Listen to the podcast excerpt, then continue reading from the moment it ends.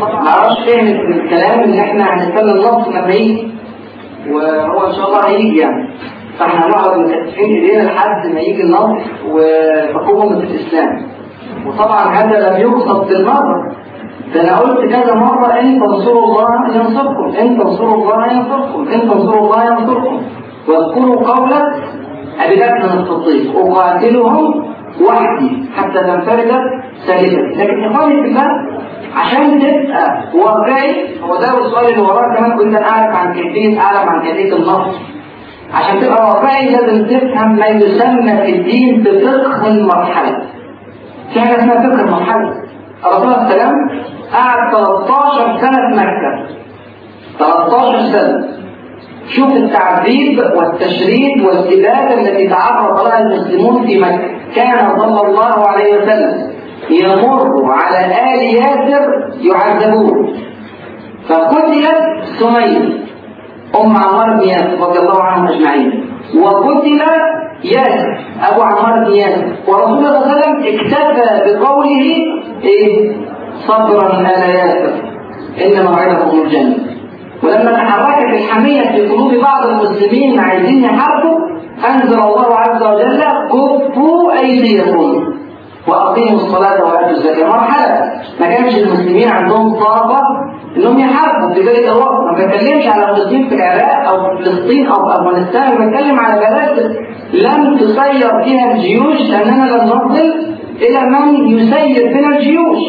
فده كلام لازم تفهم فقه المرحلة بتاعتك. المرحلة بتاعتك ما ينفعش إنك أنت تخرج. لكن في نفس الوقت في نفس الوقت ربنا سبحانه وتعالى لم يعطي لك فرصة الخروج إلى الجهاد وإلى تغيير الواقع بقوة السيف والسلاح والسنان كما كان يفعل السابقون إلا إذا كانت هناك قاعدة شعبية تبقى هذا الدين وتقيم هذا الشرع.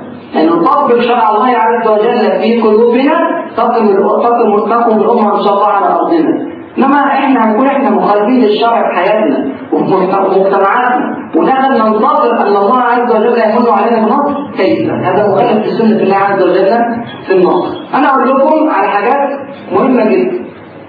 أول حاجة إن أنتوا تؤمنوا بالله عز وجل حق الإيمان. والإيمان هو الاتباع لقضية الله. ليس أن تعترف أن الله موجود. فقط. هذا هذه الحقيقة فقط كما يعلمها المشركون أيام رسول الله صلى الله عليه وسلم. ولئن سألتهم من خلق السماوات والأرض ليقولن الله. ولئن سألتهم من خلقهم ليقولن الله. ولئن سألتهم من خلق السماوات والأرض ليقولن خلقهن العزيز العليم اعتراف بأن الله عز وجل موجود وأنه خالق. لكن لم يكن المشركون يطبقون شرع الله عز وجل. ولذلك أخرجهم الله عز وجل من طائفة المؤمنين به مع أنهم يعترفون بوجوده. مؤمن فاتبع. قل إن كنتم تحبون الله فاتبعوني. يحببكم الله ويغفر لكم ذنوبكم والله غفور رحيم. ومن أحبه الله عز وجل نصره هذا الذي يحب الله عز وجل ويحبه الله عز وجل هو ولي الله. وألا إن ألا إن أولياء الله لا خوف عليهم ولا هم يحزنون. هل نحن نتصف بهذه الصفة فعلا؟ واحد ممكن يسبب فيها نفسه. أن نحن من أولياء الله عز وجل. طبعا أولياء الله عز وجل مش مقصود بهم الناس اللي بتمشي في المية وبتطير في الهواء. لا مقصود بولي الله عز وجل الذي يتبع شرع الله عز وجل ويسير بطريق رسول الله صلى الله عليه وسلم. هذا هو الولي ولي الله عز وجل. إنما وليكم الله ورسوله. فهي نقطة هامة جدا. أنت تطبق الشرع على حياتك ده نقطة هامة جدا. الحاجة الثانية الهامة جدا جدا الوحدة والألفة بين قلوب المسلمين. ما تيجي تراجع سورة الأنفال تلاقي سورة الأنفال مقومات للنصر ثلاث حاجات. الإيمان بالله عز وجل الأخوة بين المسلمين والارتباط القوي وأعتصموا. بحبل الله جميعا ولا تفرقوا أحيانا إخواني بالله بنلاقي خلاف بين الملتزمين في هذا الدين. على أمور يعني لا يصح أن يختلف عليها أحد من المسلمين أصلا. فضلا عن ظروفنا اللي إحنا عايشين فيها دلوقتي. والله قد يختلف مسلم مع مسلم آخر على إمامة مسجد. فكيف بإمامة أمة إذا كنا إحنا بنتخانق على إمامة مسجد قد لا يرى على خريطة البلد أصلا. حارم جوه حارم ونيجي بعد كده عايزين أمراء المؤمنين يتحدوا في دولة واحدة مهما تكون مولى عليهم؟ قواعد ثوابت عند الله عز وجل. فدي هي الوحدة والألفة والترابط بين صف المسلمين هذا أمر من أمور النصر واضح جدا. قال الله عز وجل في سورة الأنفال واعتصموا بحبل الله جميعا ولا تفرقوا. الاتحاد بيبدأ إيه من من من القاعدة. لو عندك عمارة فيها اتحاد ملاك واتحاد الملاك مش عارفين يجتمعوا مع بعض عشان يصلحوا شأن العمارة يبقى إزاي انت عارف تصلح شأن البلد كلها ولا الأمة كلها؟ انت مصلحتك القريبة مش عارف تجتمع مع ذلك عشان تحققها. يبقى يبقى ده أمر إيه؟ ما ينفعش ينزل معاه مصر. الحاجة الثالثة اللي موجودة في سورة الأنفال بوضوح الإعداد. واعدوا لهم ما استطعتم من قوة ومن رباط الخيل ترهبون به عدو الله وعدوكم الاعداد وكل بحسب طاقاته الطبيب يعد في مجاله والمهندس يعد في مجاله ورجل الجيش يعد في مجاله والحاكم يعد في مجاله والمحكوم يعد في مجاله. كل واحد فيه دايره والله عز وجل لا يكلف نفسا إلا وسعها. لو كان في إيديك إنك تعلم عشرة القرآن أو عشرة السنة أو تدعو عشرة إلى دين عز وجل ودعوت خمسة فأنت مقصر الله طب أنت دعوت خمسة ما شاء الله جبتهم إلى طريق الله بس أوسع والله يحاسبك على طاقتك. لكن مش مطلوب منك 11 مش مطلوب منك واحد زنا عن طاقتك. لو بإمكانك إنك تعيش دبابة واحدة هتنصر هذه الدبابة ان عبدتها لكن ما تقعدش ساكت ما تعملش حاجة.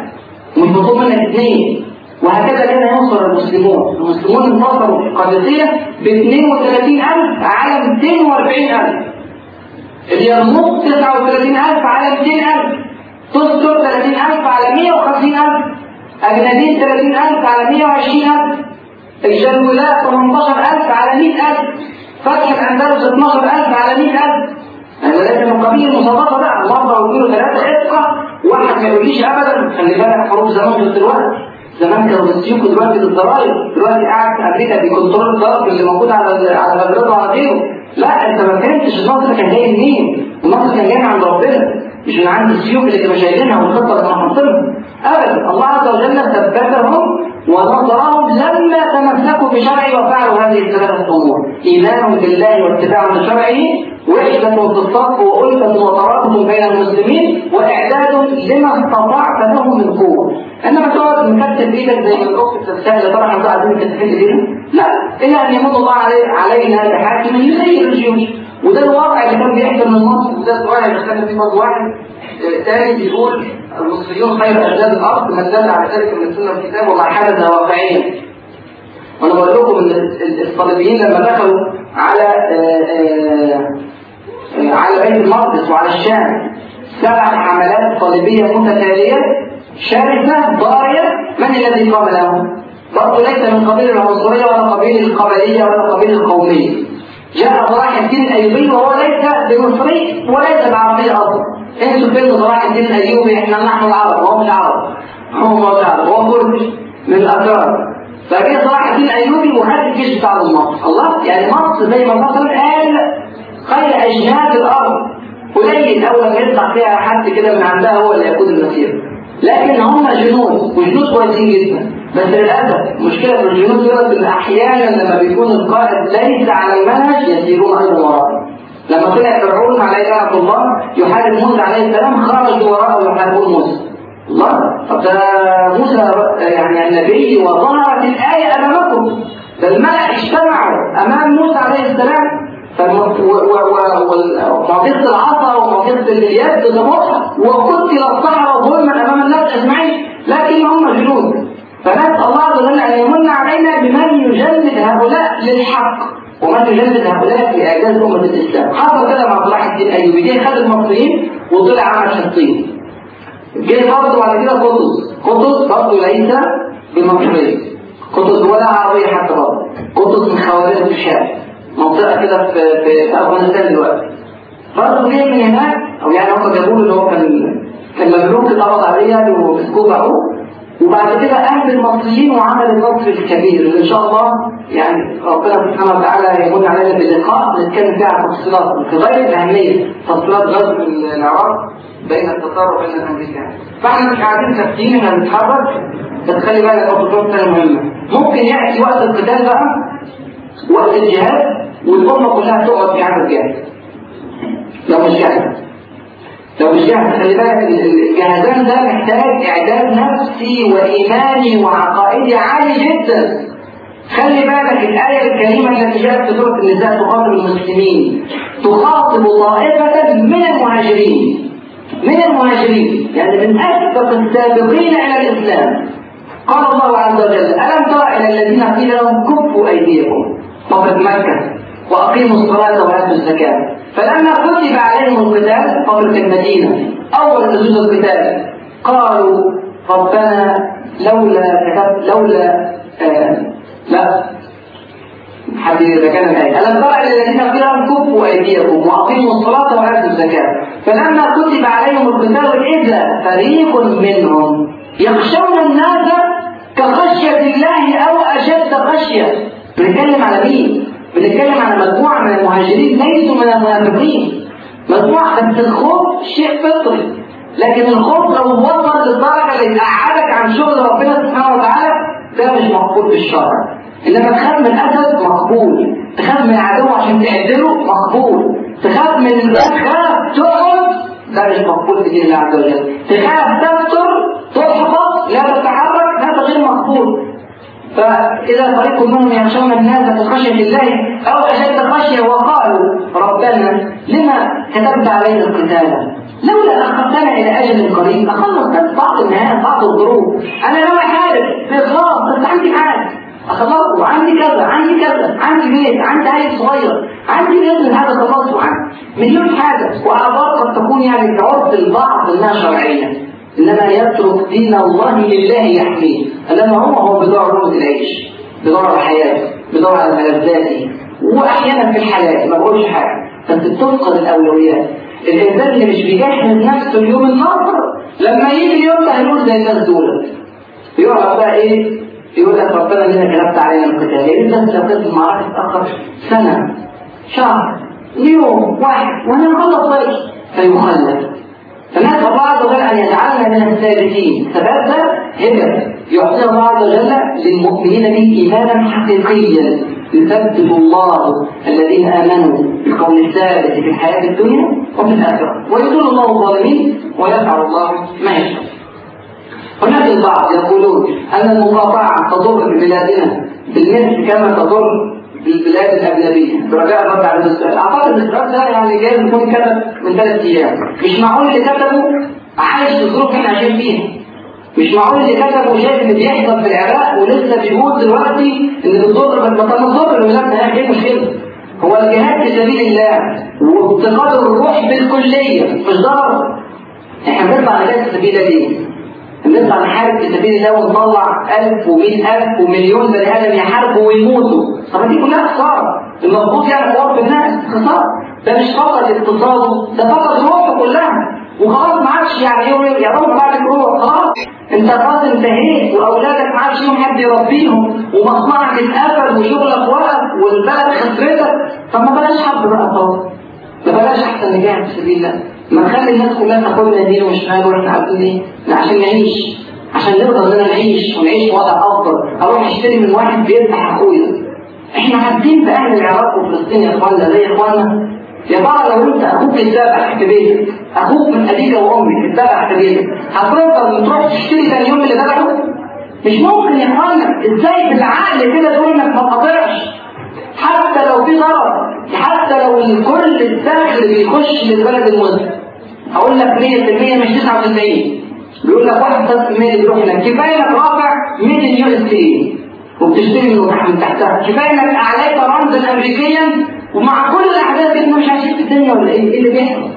ده بعد أفغانستان يخلصوا أوزبكستان ويطلعوا على على على العراق واللي بيحصل في فلسطين تحت سمع وبصر الأمريكان بل وتحت تشجيع الأمريكان لا يخفى على واللي هيحصل بعد كده في سوريا وهنشوفه واللي هيحصل في تركيا وهنشوفه واللي هيحصل في إيران وهنشوفه واللي هيحصل في مصر وهنشوفه إلا إذا قمنا مش ممكن ابدا حد يتخيل إن إحنا ما نقاطعش أنا الكلام ده على سبيل الاستحباب ولكن والله تيقن عندي أنه على سبيل الوجوب وأن من لم يقاطع اثم وارتكب ذنبا وسيحاسب عليه أمام الله عز وجل والله سيسأل عن كل سلعة اشتراها من ممن قتل إخوانه واستباح أرضه واستباح ديار المسلمين بهذه الصورة.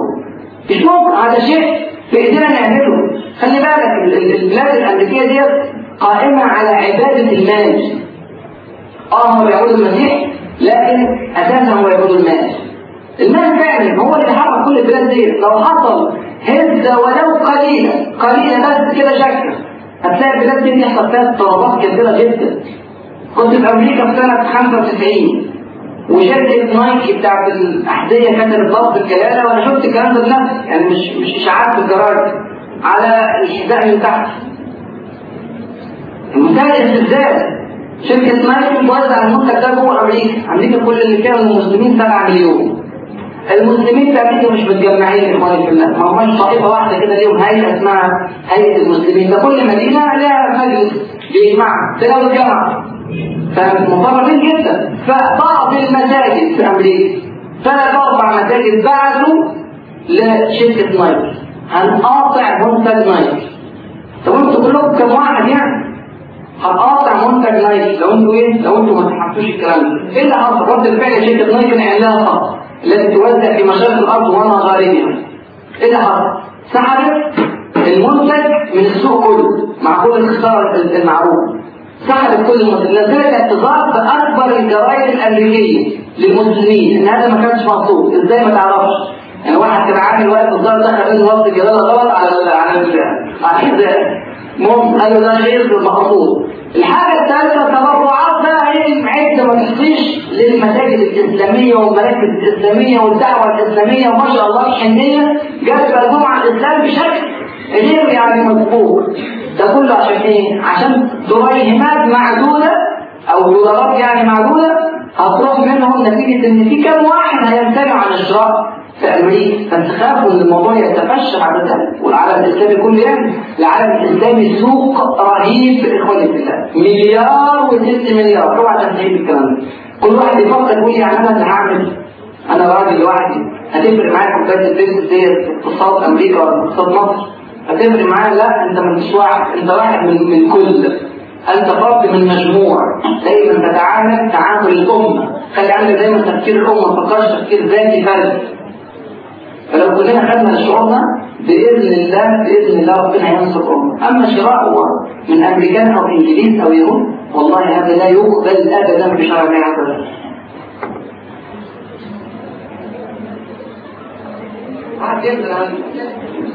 سؤال كان هل غزي غزا جيش مكة أو المدينة قبل ذلك؟ وبعدين هو بيجاوب على نفسه إن هو الظاهر عارف السؤال ده نازل في النظر للموضوع. فبيقولوا ومن هم القرامطه القرامطه هم الذين غزوا هم الذين غزوا مكه القرامطه أخواني في الله وأخواتي في الله. القرامطه هذه طائفة من اخبث طوائف الشيعة. أخرجها معظم علماء المسلمين من الدين بالكليه يعني ملحدة. طائفة ملحدة كانت بتقول إن هم يقولوا إن هم شيعة. القرامطه دول كانوا عايشين في شرق الجزيرة العربية. القرن الرابع الهجري ففي يوم من الأيام واحد اسمه أبو طاهر سليمان الجنابي عليه لعنة الله. ده كان زعيمهم هو ليس بطاهر طبعا هو اسمه بس كده أبو طاهر. هو ليس بطاهر. خد جيش وطلع على مكة المكرمة. خد جيش وطلع على مكة المكرمة. ودخل البيت الحرام في يوم الترويه ثمانية الحجر. واستباح البيت الحرام. قتل كل الحجيج في بيت الله الحرام. قتل كل الحجيج. حتى من تعلق بأستار الكعبة قتله. ثم وقف على باب الكعبة. يقول أنا أنا لله وبالله أنا. يخلق الخلق وأبنيهم أنا. عملية تعادلية يعني هو بيقول يعني. ربنا بيخلق وأنا ببني كفر هو ثم أشار إلى أحد أصحابه أن يذهب إلى الحجر الأسود ليقتلع الحجر الأسود من مكانه. فذهب الرجل وضرب الحجر الأسود واقتلعه من مكانه. ووقف في وسط البيت الحرام. يقول أين الطيور الأبابيل؟ أين الحجارة من سجيل؟ وخذوا معهم الحجر الأسود إلى هجر. هجر اللي هي شرق الجزيرة اللي هي اللي قبل كده ما ارتبطتش هي نفس المدينة. قعد هناك الحجر الأسود 22 سنة. من سنة 317 لسنة 339 22 سنة والمسلمين يحبوا البيت الحرام من غير حجر أسود لكن سنة من سنة الله عز وجل إن تكاسل المسلمون عن دينهم حلت بهم اللعنة أينما كانوا. في الوقت اللي اتسع فيه الحجر الأسود من بيت الله الحرام كان المسلمين بيتخانقوا في بغداد على إيه؟ على تفسير آية عسى أن يبعثك ربك مقاما محمودا. اختلف في المقام المحمود. فقامت الحرب بين الطائفتين. فني فيها خلق كثير. تخيلوا؟ كل الناس ما الناس مش ممكن ننصر بمثل هذا إذا كان يحصل خلافات ونزاعات وأمور فقهية هي من الفروع وليست من الأصول بين المسلمين بعضهم البعض يبقى إزاي نتوقع؟ مصر؟ هذه الشواهد وقالت إلى أن من الله عز وجل على المسلمين بمن يغير فتغير الحال. فلازم إحنا القاعدة واضحة. إن تنصروا الله. ينصركم ويثبت أقدامكم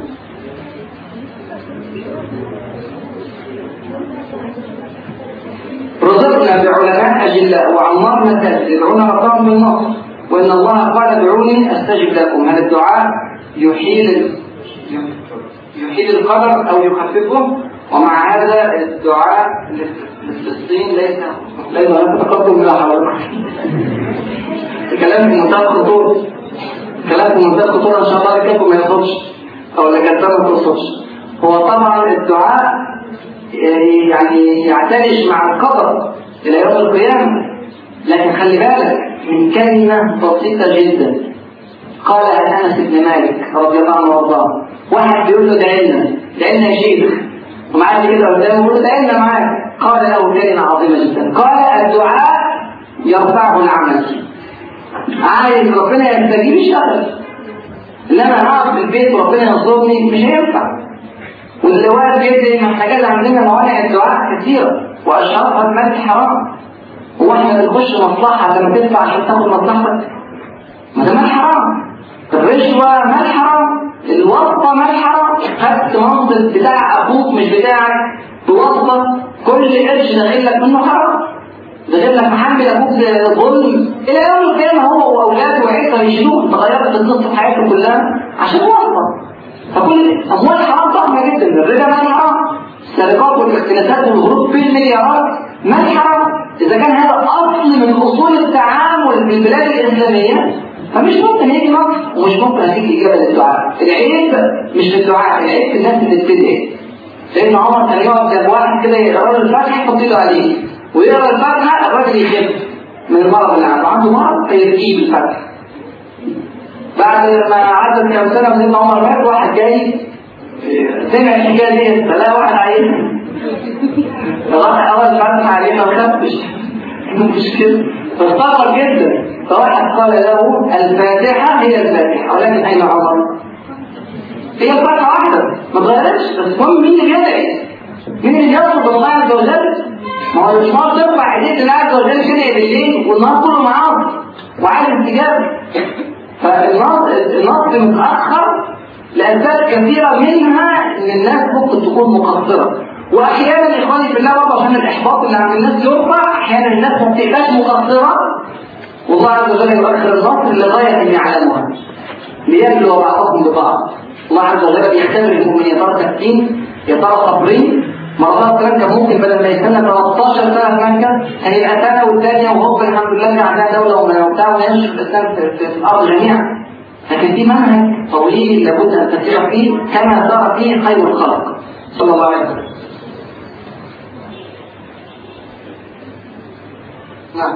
يتعامل ألم يتعامل الرسول صلى الله عليه وسلم مع أصحابه آه وأصحابه مع اليهود والكفار وكان يشتري من سلعين الآن يوجد أشياء نحتاج إليها ولا يمكن مقاطعة فما العمل؟ طيب هنا كويس. في نقطة في المقاطعة بس المقدمة بتاعتها ما كانتش موفقة أوي الحقيقة. يعني الواحد ما يدينيش بس كده مبرر شرعي إن أنت تتعامل مع إنما المبرر الأخير اللي هو الاحتياج الضرورة. الضرورة تجيز لك آه إنك ممكن تاخد سلاحك من جبل وتستعين بدليل مشرك ومش عارف إيه الكلام ده كله. بس عند الضرورة وإن توفر لك السلعه الأقل جودة. مش بقول لك بنفس الجودة الأقل جودة. وممكن تقضي شغلتك فما ينفعش إن أنت تاخد السلعه الافضل جودة وتعالج اقتصاد الناس اللي بيحاربوك. فلازم يكون في توازنات لحد ما ربنا يمن علينا ما كل ده إعداد للبناء الذاتي للأمة. إحنا مش معقول هنيجي الحل بتاع المقاطعه ان أنا لما بستورد من أمريكا استورد من الصين أو من ألمانيا أو من غيرها من البلاد والحمد لله مش لاقي حل يعني هي الصين بعيد عيلتنا ولا فرنسا بعيد عيلتنا؟ طبعا إحنا بنشكر لهم وفقهم العظيمة مع الإسلام والمسلمين ان إحنا بننتشر الفضائح اللي عملوها فينا يعني فرنسا ديت مدفعه مليون بني آدم الجزائر وما تفتكروش ده تاريخ فضل إخواني في الله. فرنسا لحد دلوقتي لحد دلوقتي تعمل فتنة في أرض الجزائر. وهي اللي عاملة فتنة الأمازيغ المشهورة. حرب العرب والبطل فرنسا اللي عاملاها ولحد سنة 98 اللي فاتت ديت عملت معهد للبربر عشان تزكي من اللغة البربرية عشان تفرق أكثر الجزائر روسيا ما شاء الله واقفة جريئه وبتقول لك إن دي حرب لا إنسانية. اللي بتحصل في العراق دلوقتي. روسيا حرب. والله روسيا بتقول لك حرب لا إنسانية. روسيا المذابح اللي عملها في الشيشان وقبلها في أفغانستان. وقبلها بقى شوف كاترين ولينين لينين مموت 8 مليون لوحده عامل record يعني. بس اللي بعد كده أخوه أو زميله يعني اللي هو السالم يعني. موت 20 مليون. جلهم من المسلمين. بلد اسمها داغستان هتسمعوا عنها قريب. هتسمعوا عنها هي ورا الشيشان على طول.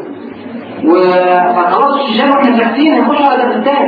داغستان دي كانت سكانها قديما 10 مليون. دلوقتي 2 مليون ونص.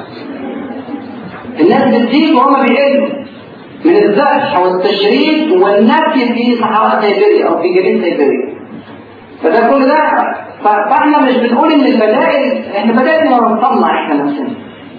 ونعتمد على أنفسنا. وأمة الإسلام ما تعملهاش كدولة واحدة. ما تقولش مصر الأردن السعودية. لا إحنا أمة كاملة. لو عندك فرصة تستورد من ماليزيا استورد من ماليزيا. من تركيا استورد من تركيا من الجزائر من هتلاقي في كل بلد منهم شيء طبعا دي كلمة قد يكون يعني الأولى توجه لأصحاب رؤوس المال وأصحاب التجارات الكبيرة والصادرات والواردات وما إلى ذلك. إنما طبعا لو أنت مضطر القراءة ومفيش إلا هي يبقى خلاص قد الله مش هنعرف تشتريها. زي إحنا أحيانا في أدوية بنحتاج الدواء الأمريكاني ملوش بديل. لو فعلا ملوش بديل أنا بدي المريض فرصته له الدواء ده. لكن خلي بالك هيجي يوم برضه هيتحط علينا خسارة.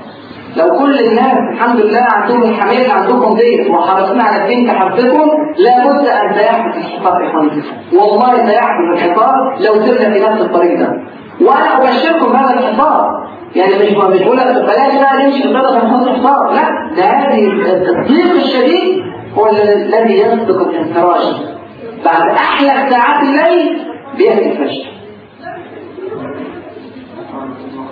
كان عندي يعني موعد و مش ده المكتوب يعني. فالمضطر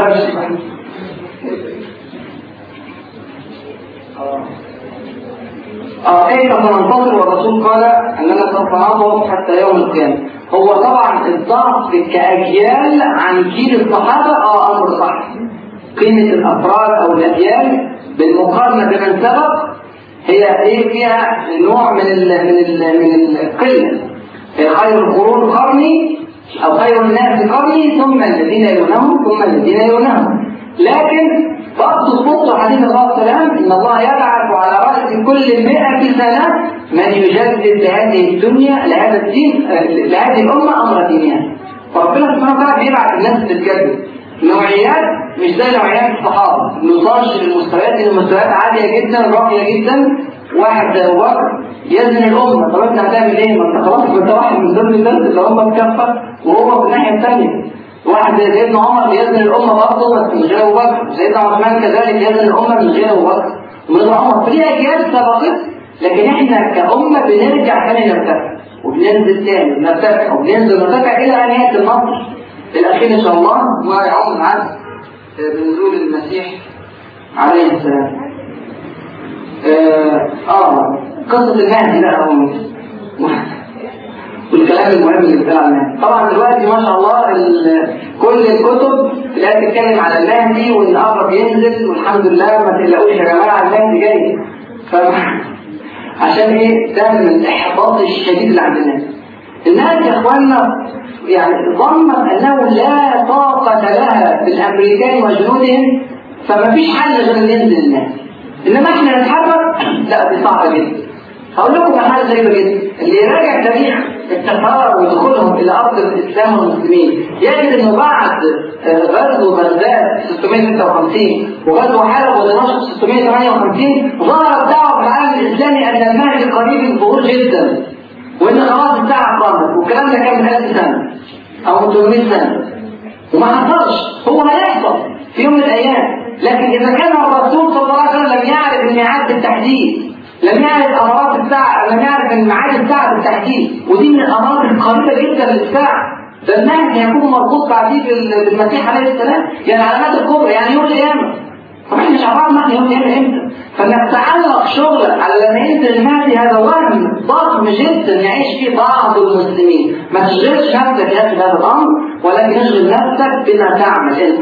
لو أنت مت النهارده والمهدي ظهر بكرة لم ينفعك بشيء.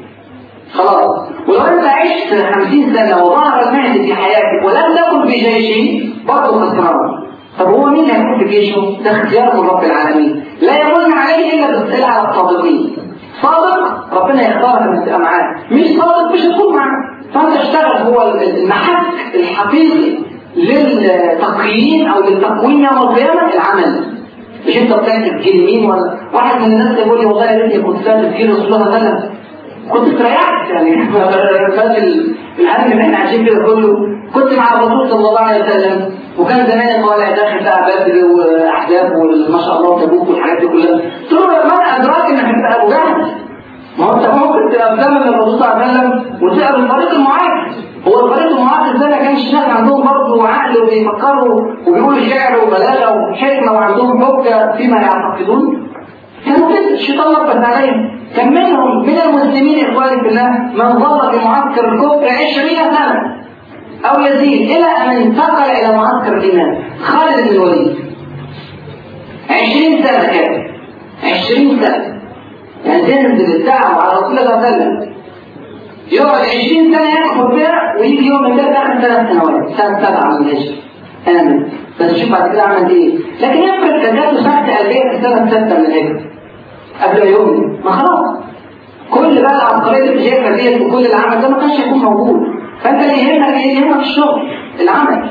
نزل ما نزلش اوعى تستنى الكلام ده اوعى تضيع وقتك في الحسابات والارقام والكتب اللي بيتكلم عليها عالم من الازهر والكتب اللي بتسوق دي هرمزه والحاجات الوهميه ديت. اوعى تضيع وقتك. هذا وهم ضائع انك تضيع وقتك فيه ولا تقوم عليه استدلال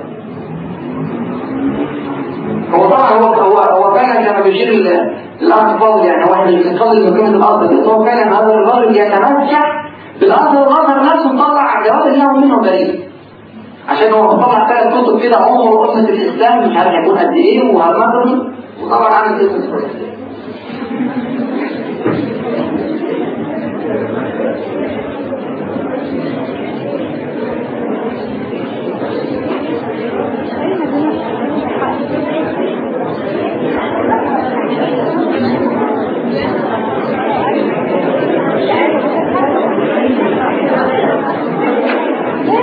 طيب هو يعني احد الفتيات بتسال إن هي عندها حمية كبيرة للاسلام والمسلمين الله عز وجل أن يخلص نيتها ونيتها ونيتها لله خالصه عز وجل؟ وبتقول أنا ممكن أعمل إيه يعني؟ فطبعا يعني إحنا الأعمال اللي أنت المفروض تعمليها كتيرة جدا لن يستوعبها العمر فعلا. واحد ساعات مش لاقي يعمل حاجة؟ لا لو مش فاهم المفروض يعمل إيه. اول حاجة ان انت تتحركي للقضية قدر ما تستطيع؟ ما تستطيعين أختي في الله وأخي في الله إحنا في وقت جد. ما إحناش في وقت هذا. إحنا ممكن لما تكون الدولة مستتبة والأمن مستقر والبلاد الإسلامية واسعة نفكر في أمور من أمور الطرف والحياة اللي هي متاع الحياة يعني. إنما إنما البلد البلاد الإسلامية بهذه الطائفة والناس ممكن يصرف ساعتين وثلاثة في اليوم قدام التلفزيون عمال يتفرج على فيلم ولا مسرحية ولا تمثيل مش معقول. فين وقتك وفين حياتك المهمة ربنا يسألك عليه؟ تخيل كده لما تيجي تقابل ربنا ومعاك الكتاب ده. تتناقش كده وتصورك قدام الله عز وجل. تخيل بقى لما تلاقي من أول لحظة لحظه وأنت عندك هنا في اليوم ده هو ما شاء الله أربع ساعات تتفرج على المباراة وال half time وبعد كده قاعد تتكلم مع صاحبك تعليق على الأهداف والوقت اللي قاعد فيها وسط الناس. مفيش وقت يضيع هتكلمي الأخت والثانيه والثالثه والعشرة والعشرين وما عندكيش وقت. ده انت بالعافية بالعافية تقدري تدبري الحاجات اللي هتعمليها وسط الناس. ابعت رسائل بالنت لكل واحد تعرفيه لو انت بتتعامل على الكمبيوتر. بره مصر وجوه مصر. اللي تعرفيه واللي ما تعرفوش اشرح القضية واشرح أفكار المسلمين ومنهج الإسلام ودين الإسلام وعظمه الإسلام وتاريخ الإسلام وعلماء الإسلام. كم ضخم جدا من العلم تستطيعين ان تصل إلى غيرك ومن الدعوة. كذلك المال تستطيعين ان تنفقي في سبيل الله. وإن كنت غير مستطيعه أن تجمعي لله عز وجل. يعني ممكن أنا مثلا عندي مقدره أدفع 100 جنيه لله عز وجل أو 1000 جنيه أو 10000 جنيه. بس ممكن أفيد الفلسطينيين بمليون جنيه. إن أنا أتحرك وسط الناس واحمل ده واحمل ده واحمل ده المقاطعة لا لا تكتفي أختي أو أخي بان تقاطعي لوحدك فقط. لا كل واحد بيقاطع يشجع 100 انه يقاطع تخيل بقى في غضون سنه كده هتلاقي كم واحد بيقاطع وكل ما يكتب دور حاول تعالج تاني النشاط. والإنسان دائما لكل عمل شره نشاط. ولكل شرة فترة يعني كل حاجة بتعلى وبتوصل في نشاط وفي فتور فكونك مستمرة على الدعوة مع اختلاف الظروف ده كل ده يحفظ الدين من الزوال الدعاء إلى الله عز وجل. دايما تدعي لله عز وجل دايما تختار الأوقات الشريفة في السجود في أثناء المطر في السفر في الثلث الأخير من الليل في ختام الصلوات. دايما حتى الموضوع بالناس إن ربنا سبحانه وتعالى ينصر الإسلام ويعز المسلمين.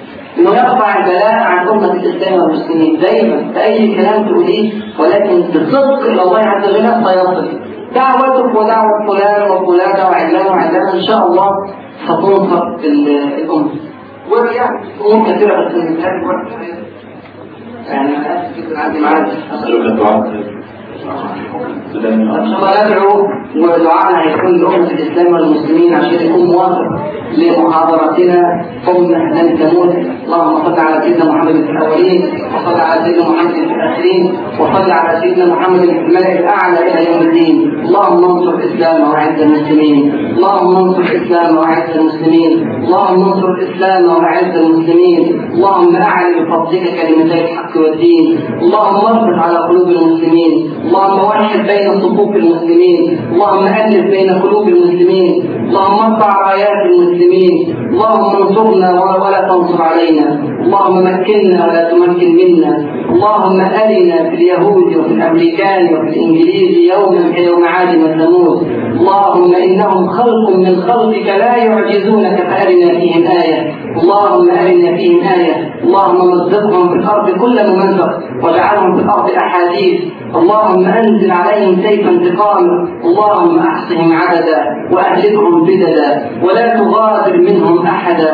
اللهم اشف صدور قوم المؤمنين. اللهم اشف صدور قوم المؤمنين. اللهم ثبت إخواننا المجاهدين المسلمين المرابطين في فلسطين. وفي الشيشان. وفي كشمير. وفي مشارق الأرض ومغاربها يا رب العالمين. وارفع البلاء عن أهل العراق ورد المسلمين إلى دينك ردا جميلا اللهم أذن لشرعك أن يسود ولدينك أن يحكم ولسنة نبيك محمد صلى الله عليه وسلم أن تتبع. اللهم استعملنا لدينك اللهم استعملنا لدينك اللهم استعملنا لدينك وأمتنا على الشهادة في سبيلك. مقبلين غير مدبرين في غير ضراء مضرة ولا فتنة مضلة. والحمد لله رب العالمين. وسبحانك اللهم وبحمدك نشهد أن لا إله إلا أنت نستغفرك ونتوب إليك. وجزاكم الله خيرا.